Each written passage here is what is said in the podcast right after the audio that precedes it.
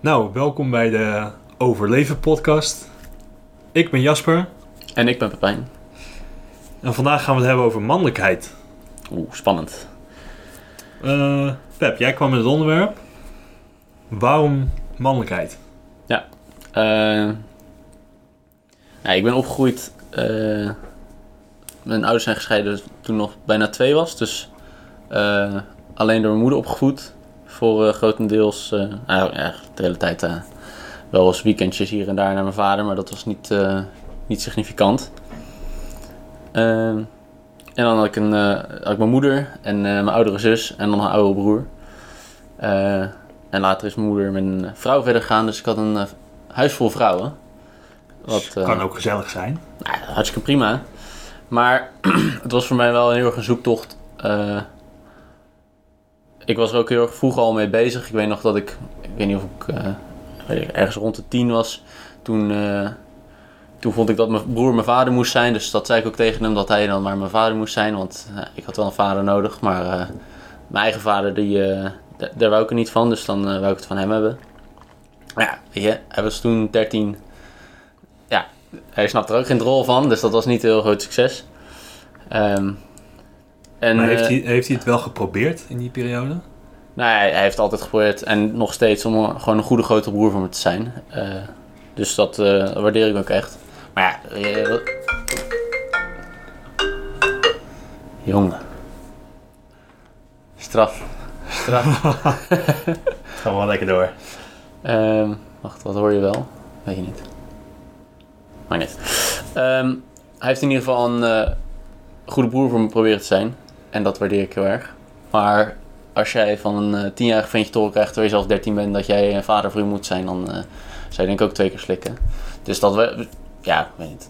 Het is gewoon een, iets wat ik herinner. Het was niet, eh, Heeft niet heel veel invloed gehad. nee. Denk je dat het invloed heeft gehad op hem? Want als 13-jarige dan ben je toch al Ja. bewuster bezig met wat dingen. Ik zou denken van wel, maar ik heb geen idee. Dat zou ik aan hem moeten vragen. Is wel interessant, denk ik. Ja, in ieder geval toen ik 13 was, toen zei ik tegen mijn moeder van ja, ik wil toch echt, eh, toch echt iets van een vader in mijn leven. En toen ben ik eh, bij, eh, bij een vriend van, de, van mijn moeder, mocht ik toen langs. Dat, die was getrouwd met een vrouw, die had twee kinderen. En daar mocht ik dan, gewoon oudere man, mocht ik dan een weekendje eens in de zoveel tijd kijken hoe, hoe het leven was met een, een gezin met een, met een vader en een moeder. In plaats van alleen een moeder of, of twee. Dus daar begon jouw zoektocht eigenlijk wel naar mannelijkheid. Ja, dus toen ik 13 was, was ik echt heel erg mee bezig. Ehm, en dat is niet echt gestopt. Terwijl eh, soms wat meer, soms wat minder. Eh, dus daar, eh, vandaar kwam mijn fascinatie met mannelijkheid. En dat is tot nu toe nog een on- on- onbeëindigde zoektocht. Ja, en ik denk dat mannelijkheid altijd wel bezig blijft, een zoektocht blijft naar wat is er nog meer. Ja, ik heb hem op een gegeven moment ook een klein beetje bij neergelegd. Op mijn trouwerij. Toen zei ik tegen mijn vrouw, half als grapje, maar ook eh, dat eh, ik was zo lang op zoek naar mannelijkheid en ik weet eigenlijk nog steeds niet zo goed wat het is. Ehm, maar nu ben ik haar man, dus eh, nou ja, dan kan ik zeggen dat ik een man ben of zo. en geen jongetje. Ja, trouwen, mijn- trouwen en je hebt je mannelijkheid Ja, gevonden. dat was mijn truc. Weet je- je niet wat mannelijkheid is of maak je er zorgen om, trouw gewoon en eh, je je, hebt, je, gefixt. problemen zijn gefixt. Ja. Ja. Dus eh, bij deze, iedereen die eh, twijfelt over zijn mannelijkheid, zoek een vrouw, trouw ermee en problemen zijn voorbij. ja, dat is wel chill. En Ja, jij? ja, ja, dus ik herken me wel een beetje in je verhaal. Want mijn ouders zijn, toen ik in groep 6 zat, eh, zijn mijn ouders gescheiden. En mijn vader is altijd veel aan het werk, dus ik ben eigenlijk opgegroeid thuis bij mijn moeder. Eh, wel contact gehad met mijn vader, maar voornamelijk in de weekenden. En ik heb nog een oudere zus. Eh, en die was natuurlijk ook lekker aan het puberen Ja. en aan het doen in die tijd. Ehm, dus er waren bij ons gewoon heel veel vrouwen over de vloer. Ergens is dat natuurlijk leuk. Ja. Maar eh, ik heb toch wel ook die, die mannelijk, mannelijke rol in mijn leven een soort van gemist. En altijd wel een zoektocht naar gehad. En vooral om te zoeken naar wat die definitie nou is van mannelijkheid. Ja. En eh, ja, dan ga je allemaal verschillende dingen proberen. Je aan de ene kant een beetje afzetten. Nou, als dat niet werkt, ga je je terugtrekken. Eh, en ja, sindsdien blijft het gewoon wel een zoektocht.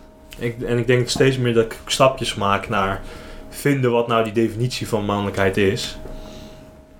Eh, en ja, ga gaan we er uiteindelijk achter komen? Weet ik niet. Maar ik denk wel dat het een mooi proces blijft. Ja. Ik denk zelf dat waar ik tot nu toe op ben uitgekomen is dat een man doet wat hij zelf wil. En het is wel grappig, want elke keer als ik denk, ah, dit is echt mannelijkheid, dan denk ik, ja, maar dat kunnen vrouwen ook doen. Ja, fucker. Eh, Godverdomme, heb ik het weer niet. Ehm, en ik denk dat, weet je, je kan in de ges- geschiedenis kijken, er zijn er zoveel, zoveel dingen die bij mannelijkheid passen en dat komt heel vaak terug en dan kan je daar nog wel dingen uithalen. Ehm, maar dat verandert ook met tijd en dat verandert ook met cultuur. Dus dan, oké, maar wat is, dan, wat is het dan echt? En is het van de tijd of is het voor altijd? Eh nou ja, Ja, wat denk jij dat eh, mannelijkheid cultuurafhankelijk is? eh, zeker deels. Ik denk dat, ik denk deels dat je, deels kan je mannelijkheid waarschijnlijk gewoon beschrijven als, je gaat een hele groep, grote groep mensen vragen stellen, mannen en vrouwen. En dan zie je waarschijnlijk trends de ene kant op en de andere kant op. Ja. Ehm, dus dan, een soort van wetenschappelijk kan je dan een, iets van mannelijkheid creëren over wat algemeen in een soort van de generalisatie, dit is de norm. En dan, nou, iedereen valt er natuurlijk buiten, maar dit is wat over het algemeen mannelijkheid is. En dan heb je nog een heleboel mensen die daarnaast vallen die zich een beetje in de war voelen. Ehm, dus daar ben ik altijd een beetje ontevreden mee. Ehm, want dan kan je zeggen, ja, mannen eh, zijn over het algemeen agressiever. En nou, dat is volgens mij in de wetenschap ook terug te zien. Eh, en dan heb je een man die niet agressief is en is die dan niet een man. Eh, maar weet je, het bestaat waarschijnlijk niet uit één karakteristiek. Dus dan, Profiel, ja. eh, nou ja, gaan een heleboel deuren open. ja. Maar denk jij, ehm, trouwens voordat we verder gaan, we zullen waarschijnlijk, als we het gaan hebben over mannelijkheid en misschien ook wel vrouwelijkheid, of mannen en vrouwen, een heleboel gaan generaliseren. Dat betekent niet dat alle mannen iets doen of alle vrouwen. We willen ook niemand mee kwetsen. Eh, dus er is altijd een nuance. Weet je, er zal vast, je, hebt eh, mannen die zijn dan over het algemeen agressiever. Nou, dan heb jij vast wel eens een keer zo'n agressieve bitch ontmoet die eh constant losgaat. Nou, dan heb je weer de uitzondering op de regel gevonden. Betekent niet dat zij niet bestaat. Ja, we, we spreken nu gewoon over mannelijkheid in het algemeen. ja, Eh, en er bestaan altijd uitzonderingen. Ja. En we zullen altijd wel mensen tegen het hoofd stoten. En er zullen mensen zijn die het met ons eens zijn. Eh, alleen, wij geven onze eigen kijk hierop. want denk jij dat mannelijkheid bestaat? Eh, ja, maar wel in de vorm van mannelijke energie. Oké, wat versta je daaronder? Eh, ja, dat is een breed, breed begrip natuurlijk. Ehm, kijk, er zit gewoon daadwerkelijk een verschil tussen mannelijke energie en vrouwelijke energie. En dat zie je in gedrag, dat zie je in identiteit. Ehm, waar ook bijvoorbeeld een, vrouw wat meer mannelijke energie kan hebben. En een man meer vrouwelijke energie kan hebben. Ja. En dat maakt ieder individu ehm, anders. Ja. Eigenlijk. En ehm, vind jij dat mannelijkheid bestaat? Nou, ik, ik denk het wel. En dan ligt het eh, soort van hoe je het gaat, in welke realm, welke, welk stukje van de wereld je gaat bespreken. Ga je het in de wetenschappelijke wereld bespreken of ga je het in de eh, energie, iets meer, eh, ja, hoe, qua gevoel. Voelt Ja. iets mannelijk of voelt iets vrouwelijk. En ik denk zeker dat, dat dat bestaat. Ik denk zeker dat je op sommige momenten super mannelijk kan voelen. Eh, Waar, wanneer voel jij je supermannelijk? ik denk het meest mannelijk voel ik als ik eh, dat weet ik heel goed, want dat, daar denk ik nog vaak aan terug. Dan, als ik op bed lig met mijn vrouw op mijn borst en dan zegt ze dat ze zich heel veilig voelt, dan voel ik me, heb ik het idee dat ik het als man heel erg goed doe. Dan voel ik me echt. Doe- heb ik het idee dat ik heel goed mannelijk doe. en wat het dan precies is, tussen, ja, er zitten meerdere aspecten aan. Dus ik, ik laat haar veilig voelen. Nou, ik denk dat dat heel belangrijk is. Eh, en ik heb gewoon een goede relatie met haar. Dus ik denk dat dat. Ik weet niet of dat per se deel van is, maar voor mijn gevoel, voor mij in ieder geval wel. Ja. Ehm, en, en daar zit bij mij denk ik een, eh, een belangrijk deel van mannelijkheid is dat ik eh, ja, voor haar gewoon een fijne, veilige eh, situatie kan creëren. En ik denk ook als ik kinderen zou krijgen, als zij zich veilig Veilig eh, voelen. voelen, dat ik dan heel erg trots zou zijn op mezelf. Ja. Als man zijnde dus. Ja, ja. Oké. Dus als ik hem zo hoor, dan bedoel jij dat mannelijkheid is gewoon veiligheid creëren. ja, een belangrijk deel in ieder geval wel. Ja. ja dus voor mij gaat het eh, dat stuk ook gewoon de- voor eh, krachtig zijn. Ja. Dus als man moet je gewoon kracht hebben om nou, die veilige situatie te creëren. Een man moet keuzes kunnen maken. Een man moet risico's durven nemen. Ja, om eh, nou, aan de ene kant die veilige situatie te creëren natuurlijk. Maar ook om zijn eigen, vi- eigen visie na te, na te streven, na te leven. ja. En ehm, heel vaak als je krachtig, denken mensen alleen maar aan fysieke kracht in ieder geval. Dus Ja, ik, veel mensen denken daar inderdaad aan. Ik denk ook voornamelijk dat het over mentale kracht ook gaat. Ja. Niet elke man hoeft zoveel honderd kilo te kunnen deadliften. Ja. Eh, je bent gewoon mannelijk in je gedrag. En iedereen heeft daar een andere definitie van. Eh, en heb jij daar een bepaalde definitie van? Nou, nee, wat ik zelf grappig vond, is namelijk, ik heb het er ook wel eens eh, met, met mijn surrogaatvader over gehad. En, ehm, nou, hij is gewoon een fitte man, maar ja, onderhand ben ik al eh, een stuk sterker dan hem. Eh, veel langer in de gym rondgelopen, dus dat is ook niet heel gek. En hij is ook eh, veel meer gevoelig, of in ieder geval, ja, niet per se gevoelig, maar meer eh, bedacht. Denkt lang en goed over dingen na. Eh, is wel heel erg open. Wat fijn is, want ik heb een heleboel rare ide- ideeën naar hem toe gegooid. En daar kon ik gewoon met hem over praten, wat heel erg prettig was. Ehm, maar als ik dan met hem praat over mannelijkheid. En voorheen dacht ik dat sterk en groot en breed heel erg belangrijk was om, om man te zijn. Ehm, en dan had ik het met hem over. En zei, ja, maar ben ik dan niet man? Ik zeg, ja, maar ik vind jou ook wel een goede man. Dus oké, dus dat is niet per se wat een goede man doet, is brede harry zijn. Ja. Ik denk wel dat, mannelijk, dat je een mannelijke uitstraling zou hebben als jij... Sterk oogt. Ja, dus...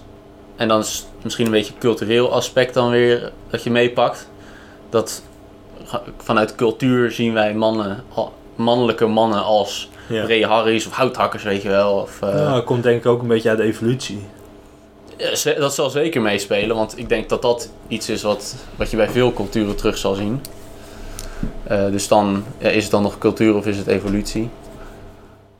Ehm, maar ik denk, ik denk dus dat het, wel dat het meer is dan dat. Meer is dan alleen sterk, groot en breed. Ja. Ja. Maar, en ik denk als jij zegt krachtig, want krachtig spreekt me dan wel aan, maar dan niet alleen maar op het fysieke gedeelte, maar ook mentaal, ook ehm, ja, wat, vollediger krachtig. Je hebt ook gewoon ja, mensen die krachtig overkomen. Iemand met een sterke mening eh, die daarvoor staat. Ja. Ja. Dus eh, qua gedrag is een man voor jou iemand die staat voor zijn eigen mening. Ja, waar ik nu ineens aan moet denken. Ik had een, een boek gelezen, heb ik jou trouwens eh tien minuten geleden aangeraden. Dat heet eh, The Way of the Superior Man. Dat is een boek wat ik eh, een tijd terug, heel lang geleden heb gelezen. Ehm, en in dat boek bespreekt hij het, het belang van een purpose voor een man. Dus het, ja, niet purpose meer dan een doel. Dus echt een roeping, denk ik dat de beste vertaling is. Ja. Ehm, Ik vertaal hem als zinvol bestaan. Ja, zinvol, Het nut hebt dat je dingen doet. Nou ja, ik denk dat, je, hem- dat jij hem dan breder... Volgens mij kadert hij hem super wat meer van... eh, echt, echt het hebben van een purpose is eh, wat specifieker. En ik denk dat als je een zinvol bestaan hebt, dat kan redelijk algemeen zijn. Dat kan in verschillende facetten terugkomen. Ja. Ehm, maar volgens hem heeft een, de Superior Man heeft echt een super duidelijke purpose in het leven. Ehm, en dat is dan ook nog tegelijkertijd aantrekkelijk voor vrouwen. Kijk eens aan, dat is mooi meegenomen. Maar dat, is dan niet, dat moet niet het doel zijn dat je een, een purpose hebt om vrouwen aan te trekken. Maar meer als jij een purpose hebt, dan trek je Trek vrouwen je, aan. trek je vrouwen aan.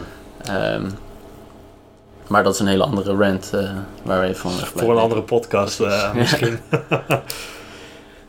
dus eigenlijk als we nu zeggen, eh, bestaat mannelijkheid? Ja, ik denk dat we best wel over eens zijn dat het antwoord gewoon ja kan zijn. Ja, Eh, maar wat is het dan? ja, Dan is het een krachtige, krachtige man die open staat en ook gewoon gevoelig durft te zijn. Ja, ik denk dat eh, het, het verschilt sowieso per persoon. Sommige mensen zijn van zichzelf meer gevoelig dan de ander. Ehm, en er is niet één, eh, niet één man. Weet je, er zijn heel veel mannen. Dus eh, ik denk dat het thema's zijn en een verzameling van gevoelens. Ja. Ehm, denk jij dat vechten mannelijk is? Ehm, vechten op zichzelf niet per se. Nee?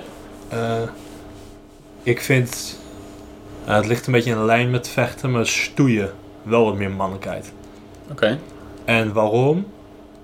Voornamelijk omdat eh, mannen gewoon moeten spelen.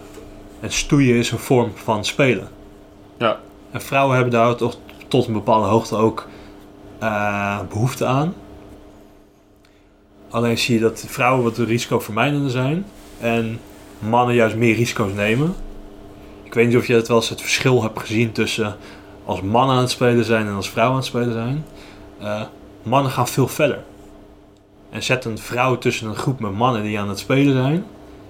eh, die voelen zich onveilig en onprettig. Ja. Dus mannen durven veel meer een stuk onveiligheid op te zoeken. En durven daar wat, wat meer in te vinden eh, dan een vrouw. Dus als je aan mij zou vragen, past vechten bij mannelijkheid? Ja. Ook omdat het eh, kracht toont. Je baakt een beetje je territorium af. Ja. Ehm, en we hebben het gewoon nodig. Als man zijn voor de evolutie. Ja. Sterke mannen die, die durven te vechten, die, die durven risico's te nemen, Ja. eh, overleven gewoon beter. Ja, gaan in ieder geval niet dood door vechten met andere mannen. Nee. Die winnen. ja. Ja, en denk- anders hoor je, behoor je waarschijnlijk dus niet tot de, de sterke groep mannen. Ja. En nu zeg ik niet dat elke man zo sterk moet zijn dat hij van elke andere man moet kunnen winnen. eh, op fysiek vlak. Maar mentaal kan je ook vechten.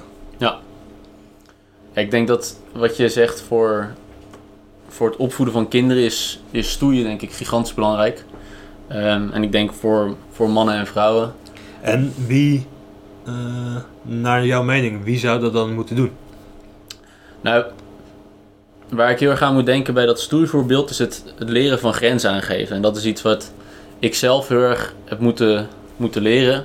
Omdat nou, om grenzen aan te geven moet je jezelf redelijk goed kennen. Want je moet weten wat je grenzen zijn. En daarna moet je de ballen hebben om je grenzen aan te geven. En de kracht om ze te houden. Ja. Ehm, en ik denk dat, dat dat je dat met stoeien geweldig kan aanleren. En ik denk dat over het algemeen mannen daar heel goed in kunnen zijn om dat aan te leren. Omdat ze eh, gewoon gaan stoeien met, met het kind, jongen of meisje. Eh, en het kind gaat lekker door. Ehm, maar op een gegeven moment moet hij realiseren dat er consequenties zijn. Dus als de vader zegt, doe nou niet, want dan krijg je een tik. En dan, of het gaat mis of zo. Ja. Ehm, ik denk dat, dat de moeder vaak zal zeggen: Oh, nou dan stoppen we nu en dan gaan we gewoon lekker, weet je, dat kind amuseren. Ja. En de vader gaat lekker door totdat het kind op zijn muil gaat, eh, gaat huilen en zegt: Ja, Dat sukkel." was de grens. Ja, dat moet je dus niet doen. Ja. En ik denk dat dat hele belangrijke lessen zijn. Ja, het interessante is dat ik me hier dus juist best wel in herken. ik heb vroeger nooit gespeeld thuis. Eh, nooit, nooit gestoeid thuis. Eh, en ik merk, nou, dus afgelopen, afgelopen jaren, nu af en toe nog steeds wel, dat ik het gewoon lastig vind om grenzen aan te geven. Ja. Ten opzichte van verschillende dingen. Eh, in relaties, eh, maar ook op het werk. Eh, en ik denk dat ik als persoon daar best wel veel weer te, van te leren heb. Ja. Ik moet nu nog denken aan een situatie dat ik, ik ging met mijn broer dan wel stoeien. en dan hadden we, hadden we UFC gekeken, dus dan gingen mensen op elkaar inlopen. Maar nou, dan gingen we elkaar niet slaan, maar dan gingen we gewoon elkaar eh, tikken en eh, worstelen. En eh, wij zijn allebei heel erg koppig. Mijn broer iets meer dan ik, maar allebei heel erg. En nou, ik won één van de tien keer. Dat ging niet heel goed voor mij. Maar ik tikte nooit. Wat fucking dom is natuurlijk, want dan lag ik weer in een houtgreep en dan lag ik daar te spellen. Je broer, je, je broer is ook twee koppen langer dan jij. ja, dus die was me dan aan het killen en ik zei gewoon, nee, boeit me gereed, maak me maar dood, ik ga zeker niet aftikken. En dan was mijn moeder aan het schreeuwen van doe nou eens normaal, laat die jongen gaan. en hij stopte omdat mijn moeder zei dat, ik, eh, dat hij me niet dood moest maken. Ja, en dat bedoel ik dus met het Ehm, risico vermijden. Eh, maar ja, dan, dan leer je waar de grenzen zijn. Want, Precies. Nou, dat is niet fijn. Dit moet ik vermijden. Eh, Ja, maar moet je het vermijden of moet je weten wat de grens is? Nou ja, je, weet- so- ik denk dat het heel goed is om te weten wa- waar grenzen zijn. En die vind Ja. je alleen maar door ze op te zoeken. En ik denk dat je de- als man zijnde, als je dus sterker wordt, dat je dus die grens ook gaat verleggen. Je kan op een gegeven moment ook als het goed is meer tegen pijn. Ja, zeker. Ja, in mijn ogen, wat, ik, ik vind... Ik zou zeggen dat vrouwelijkheid meer als, als water is en mannelijkheid meer als steen. Dat mannelijkheid staat en dat is een, dat is een soort muur. En dat, nou, dit is de grens, kut voor je. Ja. En dat de vrouw zich er zo een beetje omheen, eh, ah oké, zal wel. En eh, die gaat een beetje mee. Ehm, wat natuurlijk ook heel vaak omgekeerd zou kunnen zijn. En dat hoeft al niet voor iedereen waar te zijn. Maar zo zie ik het vaak. Eh, ook, me- bij mij thuis. Het is niet alsof ik als een fucking rondloop en zeg wat we allemaal gaan doen. Maar over sommige dingen heb ik een hele duidelijke mening. Ehm, en ik Ja, Volgens mij sta ik zeker open voor gesprek, maar eh, ik ben in ieder geval heel erg duidelijk in sommige dingen over hoe, hoe ik mijn relatie met mijn vrouw wou. Gewoon dat ik een relatie met haar wou en zo. Daar was ik heel duidelijk over. Ja. En ik denk dat dat heel fijn is geweest is voor haar, omdat ze dan gewoon een keuze kan maken. Vrouwen vinden het ook prettig om te volgen, Ik denk over het algemeen wel. over het algemeen. Mm. Maar ik moet zeggen dat ik soms het idee heb dat iedereen het eigenlijk wel een beetje fijn vindt. En dat mannelijkheid dus niet altijd... Hoe ik mannelijkheid zie is niet per se leuk. Als een soort grote verantwoordelijkheid ehm, die je moet dragen. Eh, want wat, wat ik vind is dat ik denk dat een man een vrouw moet kunnen verdedigen. Ja. En Ja, dan gaan we meteen door naar de volgende stelling. ja, Moeten mannen hun vrouw verdedigen? Nou, ik denk het wel. Ik denk, nou, wetenschappelijk gezien, gewoon überhaupt als je ooit wel eens mensen hebt ontmoet, mannen zijn over het algemeen sterker dan vrouwen. Maar als je wel eens naar gewoon onderzoeken daarna gaat kijken, is het echt een dramatisch verhaal. eh, hoe groot dat verschil is. Ehm super kut en oneerlijk als je als vrouw mannen in elkaar wil gaan timmeren. Volgens mij zag ik laatst een studie voorbij komen waarbij de sterkste 5 of 10 procent van vrouwen sterker was dan de zwakste 25% van de mannen. Dus nou, dat zijn heel weinig vrouwen die heel weinig mannen eh, Aankunnen. aankunnen.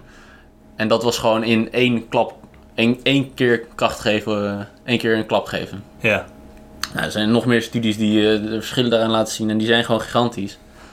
Eh, dus ik denk, in Spider-Man zeggen ze, with great power comes great responsibility. Ik denk, mannen hebben gewoon fysiek meer kracht of macht. En daar moet je verantwoordelijkheid, verantwoordelijk mee omgaan. En ik denk dus ook als jij eh, in een relatie bent met een vrouw, dat is jouw verantwoordelijkheid Om die Is- te verdedigen. om haar te verdedigen. En eh, kan je wat aan als verdedigen wat meer context geven? Nou ja, Want je kan fysiek verdedigen, je kan mentaal verdedigen, je kan zorgen dat ze overleeft. Nou ja, ik, sowieso als er, als er op straat iets gebeurt, dan moet je er gewoon voor gaan staan. Eh, ik zeg, ik Niet zeg, als eerste als je wegrennen. nee, ik zeg altijd tegen mijn vrouw dat zij moet rennen en ik blijf staan. Ehm, dat is veilig voor iedereen. Is dat de reden dat je aan het thuisboksen bent? Ja, deels. Deels is dat de reden dat ik eh, dus, ehm, en met MMA eh, ben begonnen. Is om te leren vechten dat als er iets gebeurt.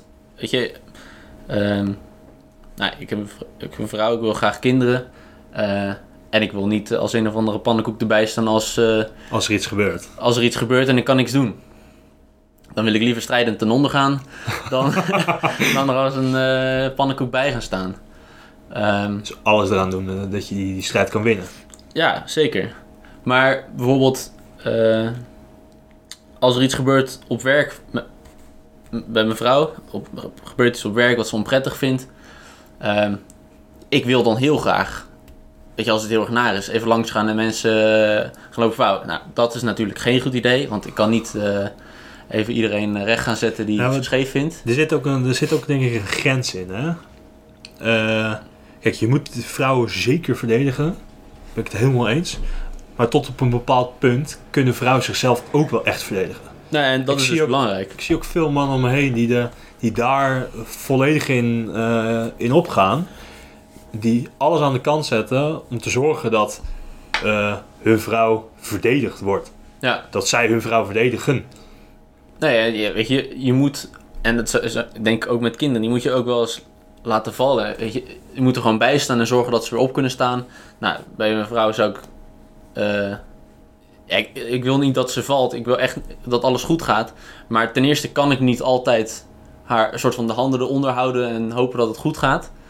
En als het dan misgaat, dan opvangen. Want ja, ik kan niet mijn hele leven achter haar aanlopen. Ze moet ook zichzelf kunnen verdedigen. En dat kan ze ook. Dus het is ook een soort onzekerheid die je dan projecteert op je vrouw. Ehm, maar, dus dat is bijvoorbeeld de situatie waar ik denk, nou, hier ga ik me buiten houden. Ik vind wel dat, ze, dat zij haar grenzen aan moet geven. En dat zal ik ook tegen haar zeggen. Ja. Eh, als ik een situatie hoor waar, waarvan ik denk, nou, dit is gewoon niet oké. Verde Verdedigen ze haar ook helpen met die, met die grenzen te vinden en uit, uit, te, Ja. eh, uit te vinden. Ja, dat denk ik ook. Dus dat is dan niet eh, fysiek verdedigen en gelijk eh erop los gaan hameren.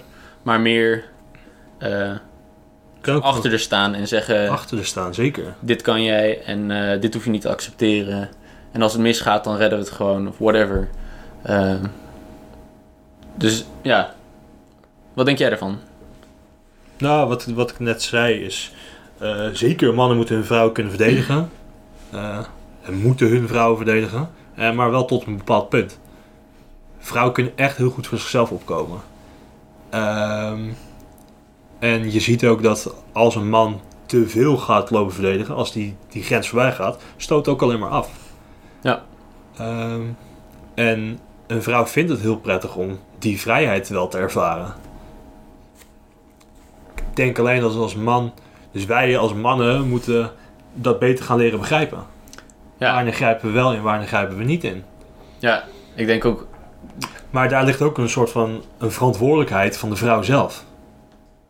Vrouwen geven ook, nou, nu eh bagatelliseer ik het misschien een beetje. Maar vrouwen mogen ook best wel zelf aangeven wanneer eh, een man kan, kan en zou moeten inspringen. ja. En waar de grenzen liggen. Ja, ik denk dat is wel een super lastige, want ik heb wel eens een, eh zo- zo'n tweedehands verhaal gehoord, maar dan dat, dat zo'n man die was ruzie zoeken, aan het zoeken met een andere man en dan hoor je die vrouw op de achtergrond schreeuwen, sla hem in elkaar! Zo ja, eh, Harder, harder! ja. Oké, dus dat, dat moet je dan niet doen, denk ik. Ehm, Nou, dat ligt ook aan de situatie. maar ja, ik, ik, denk, ik denk dat iedereen er beter van wordt als iedereen zijn eigen grenzen kan aangeven, man en vrouw. Ehm, maar soms heb je er hulp bij nodig van anderen. Als je in een situatie zit waar het gewoon niet in je eentje gaat. En gewoon op straat is dat natuurlijk het makkelijkste voorbeeld als je, weet je als man en vrouw op straat loopt en eh, iemand zit aan je vrouw en dat vindt, is niet gewenst. Ja. En die gaan ruzie zoeken en zo. Ja, En zou jij in die situatie dan ga je niet zeggen, ja, kut voor je, had, je niet zo'n kort rokje moeten dragen. Nee, dan ga je gewoon voor je vrouw staan en zeg je, opdonderen jij. En eh, nou jongens, gaan maar, eh, laten we het maar doen dan of zo, weet ik veel. Ja. Ehm, dan zorg je in ieder geval niet dat ze nog een keer doen. Nee, precies. Dus jij zou daar het voortouw nemen. Ja, Ja, ja. aan de andere kant, als mijn vrouw ruzie aan het zoeken is met iemand... eh, ja, Doe je zelf.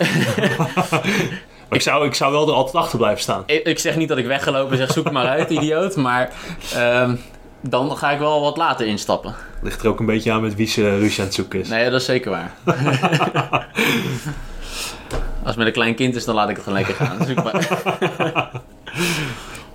hey, eh, gaan naar de laatste stelling. Ja, Veel mannen zijn tegenwoordig nice guys. oké. Wat is dat? Een nice guy. Ja, eh, nou, daar hadden we het net ook voor de podcast eh, hadden we het erover. Een nice guy. En het boek zou ik best wel aan mensen willen aanraden. No More Mr. Nice Guy. Bij deze. En eigenlijk is een nice guy ehm, een man die zichzelf wegcijfert ten opzichte van de vrouw. Ja. Die zal er alles aan willen doen om het de vrouw of een ander veel beter te laten maken dan dat hij zelf is. Maar dat is wel met een doel wat hij niet uitspreekt, toch? Of, Ja, is- er is altijd een soort van een verlangen. ja, Eh, en ik denk dat je dan naar een verlangen gaat van een basisbehoefte van de mens. En dat is gewoon dat je ergens bij, wil, bij, bij een groep wil horen. ja, Of wil functioneren in een groep. Ehm, want dat zijn altijd de diepere verlangens. Alleen is een, eh, een nice guy is gewoon, heeft een angst of voelt een schaamte. eh, waardoor, die, waardoor het kopingsmechanisme ingaat van... hé, hey, ik wil aardig zijn, want dan bereik ik wat ik wil bereiken. dan krijg ik van mensen wat ik wil. Precies. Nou, ik denk, ik denk zeker dat heel veel mensen, eh, veel mannen, eh, dat zijn. Een nice guy. Ehm, ik denk heel erg dat dat komt uit een, eh, ja, heel erg, heel erg on- uit onzekerheid. Ehm, en soms ook gewoon onwetendheid. Ik denk dat veel mensen bang zijn om te zeggen wat ze willen. En sommige mensen weten het ook niet, dus dan is het hartstikke moeilijk om het te zeggen. Ja, Ehm, maar het is heel erg eng om te zeggen wat je wil van iemand. Dus dan is het makkelijker om gewoon aardig te doen. En dan hopen dat ze jou aardig vinden. En dan hopen dat er gebeurt wat je hoopt dat er gebeurt. Maar uiteindelijk... ja wat, wat een man dus wil, is dus dat dat verlangen bevredigd wordt. ja, Alleen, eh, wat je uiteindelijk altijd ziet, is dat man, die, dat soort mannen minder gelukkig zullen zijn. ja. Ik denk dat... En altijd het gevoel hebben dat het niet goed genoeg is. Ja. Ik denk als je, als je onuitgesproken verlangens hebt... Dat er heel veel ehm, spijt, of eh, wat is een Nederlands woord ervoor? Eh, ja, dat je een beetje een hekel kan gaan krijgen. Of dat je iemand gewoon... Dat je iemand onaardig vindt te vinden... Omdat hij niet doet wat jij wil. Wat je wil, ja. Maar dat weet de persoon niet, omdat je nog nooit hebt gezegd. Ja, Maar ja, dat is toch duidelijk, want je doet zoveel dingen voor die persoon. ja, Eh, en je doet zoveel dingen voor die persoon. Dus waarom vindt hij niet aardig? Of waarom doet hij niet- wat jij wil? Ja. Ehm, en dan komt er ja, negatieve gevoelens voor die persoon waarvoor al, je al die dingen doet. Waardoor je jezelf natuurlijk een nog grotere sukkel vindt. Want je doet al die dingen voor iemand. En die vind je nu ook nog een eikel. En die doet ook niet eens wat je wil. Dan Ja. zit je ineens daar. Ehm, terwijl ik, ja, lekker simpel gezegd. Maar ik denk dat het simpel is opgelost door te zeggen wat je wil van iemand. Vanaf het Ja, begin zeker. oprecht. ik denk dat daarin mannen echt dus wel die kaders mogen stellen. Dus Ja. altijd, Het gaat gewoon constant over, over waar, waar ligt de grens. En eh, kijk, een nice guy die heeft dus op een gegeven moment gewoon geen grenzen meer. Of ze- zijn grenzen liggen heel ver weg. Eh, ik denk dat het voor veel mannen dus zou helpen om die touwtjes wat strakker aan te trekken. Ja, en dat begint met uitvogelen wat je wil. Ja. Ehm, weet je, als je de klassieke situatie van de friendzone is denk ik echt een, eh, een symptoom van de nice guy. Ehm, want je, ziet een vrouw, die vind je leuk, daar wil je eigenlijk wel eens een keer mee naar bed of een relatie.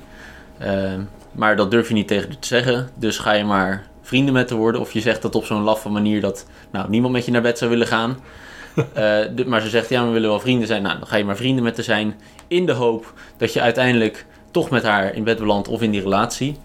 Ja, of Eh, in ieder geval er, er dichtbij bent. Maar dat bevredigt dus niet die behoefte. Ja, en dat gebeurt dan niet. En dan word je super gefrustreerd. Want ja, je doet onderhand nog wel al die dingen voor je. Je hebt er eh, behang opgehangen. Ja. En daar helpen verhuizen. Het kan gewoon lopen, uiteindelijk lopen tot een eh, intern conflict. Ja. Eh, Waardoor jij dus eigenlijk boos bent op de andere. Maar je bent ook ergens bang voor dat je dat contact weer gaat verliezen. Ja. Dus ga je alleen nog maar meer geven. Ja. Ga je alleen nog maar meer zorgen. ja, dus nou, dat is natuurlijk super kut. Eh, om in zo'n situatie te zitten. Ja. En, maar het is compleet door eigen toedoen. Want als jij gewoon had gezegd vanaf het begin... hey, ik vind jou leuk en ik wil een relatie met je. En zij zei, nou, ik vind je lelijk en dat wil ik niet. En dan zeg jij, nou, dan neem ik de eer aan mezelf. En dan zeg ik, dikke doei. weg. Ja. eh, tot nooit meer ziens. Of nu kunnen we echte vrienden zijn. Waarbij Ja. je gewoon... Want die verlangens zijn weg. Nou ja, of, of ze zijn nog, maar je hebt in ieder geval uitgesproken. En het is duidelijk voor allebei de partijen wat ieder wil van elkaar. Ja. En jij neemt genoegen met een vriendschap dan. Ja. Ehm, dat, dat is ook een prima, eh, prima oplossing. Als je daar oké mee bent. Ik ben. eh, ik, ik, weet, ik heb een keer. eh, toen mijn vrouw en ik begonnen te daten, toen eerst een beetje aan, toen een beetje uit. Het was, liep allemaal niet super lekker vanaf het begin. Ehm, en op een gegeven moment, nou, toen we zeiden, oké, nou, we gaan het niet meer doen. Had ze gezegd, oké, prima. Eh, alleen toen wou ze nog wel vrienden zijn. Ja, toen dacht ik, nou, donder op. Ik zou dat ook niet Eh, kunnen. Dat ga ik gewoon niet doen. Weet je, ik ben eens verliefd op je. Vrienden zijn, daar gaan we niet mee beginnen. Dus toen had ik tegen haar gezegd dat eh, vrienden zijn met je ex is als het houden van een dode kat. Op, opzetten en eh, de hele dag naar kijken. Eh, nou, dat heeft ze volgens mij nog wel onthouden, dat vind ik wel grappig. Eh, onze relatie werd een stuk beter toen ik zei. Oké, als we nu het gaan doen, dan wil ik een relatie. En ik geloof niet te scheiden. En nou, toen was ik heel erg duidelijk. En toen werd het een stuk beter. Ja, het is gewoon duidelijkheid. Je, voor beide geeft dat ook gewoon rust, want je weet waar je aan werkt. Je Ja. weet wat je aan het doen bent. Want daarvoor waren we allebei... Ja, weet je, we zijn een beetje aan het chillen samen en zo. Het is gewoon gezellig. Ja, ik werd er alleen maar onrustig van. Dat is helemaal niet wat ik wil. Ik wil Ja. gewoon... Dus, trouw, godverdomme, wat is dit nou weer? maar ja, dat... eh, Maar dan heb je dus een hele duidelijke visie waar je naartoe wil. Ja, en daar moest ik ook achter komen. Daarom ging het in het begin ook niet zo lekker. Ik wist dat helemaal niet. Ja. Ik, ik kwam erachter nadat ik het heel lang soort van aan had gekeken. Dat ik dacht, ja, dit is niet wat ik wil. Ja, Ehm, dus ja, dit is... Ik denk niet, eh, ik beschrijf het zo simpel, maar het is niet simpel. Het is gewoon een proces waar je doorheen moet. Want eerst moet je uitvogelen wat je wil. wat je zelf wil. En dat is lekker makkelijk zeggen, maar dat Ik denk dat ook eh, dat een van de belangrijkste eh, key punten is. Als man zijn, dan moet je gewoon eerst weten wat je zelf wil. Ja. Eerst content zijn met jezelf. eh, voordat je er iemand anders bij kan gaan nemen. Zeker. Maar ik denk dat dat net zo geldt voor vrouwen. Ik denk dat een goede basis voor een relatie is als je zelf gewoon een beetje je leven op orde hebt. Of in ieder geval je hoofd. Ja. Ehm, met wat je uit het leven wil halen. Je moet eerst je eigen verlangens kunnen be- bevredigen. Voordat je het elders moet gaan zoeken. Ja, zeker. Zeker. Cool. Ik denk dat we hem wel eh, een mooi verhaal hebben neergezet. Ja. Over mannelijkheid. Dus uitvogelen wat je wil. En dan trouwen met een vrouw. Of een man, trouwens. Dat kan ook. Eh, of iets wat ertussen valt. Dat kan ook. Eh, en dan ben je een man. Zo simpel is het. Nou, dat is lekker makkelijk. Dames en heren, luisteraars. Bedankt voor het luisteren naar de Overleven podcast. Eh, wij hopen dat jullie weer hebben genoten. En er wat aan hebben. En tot de volgende keer.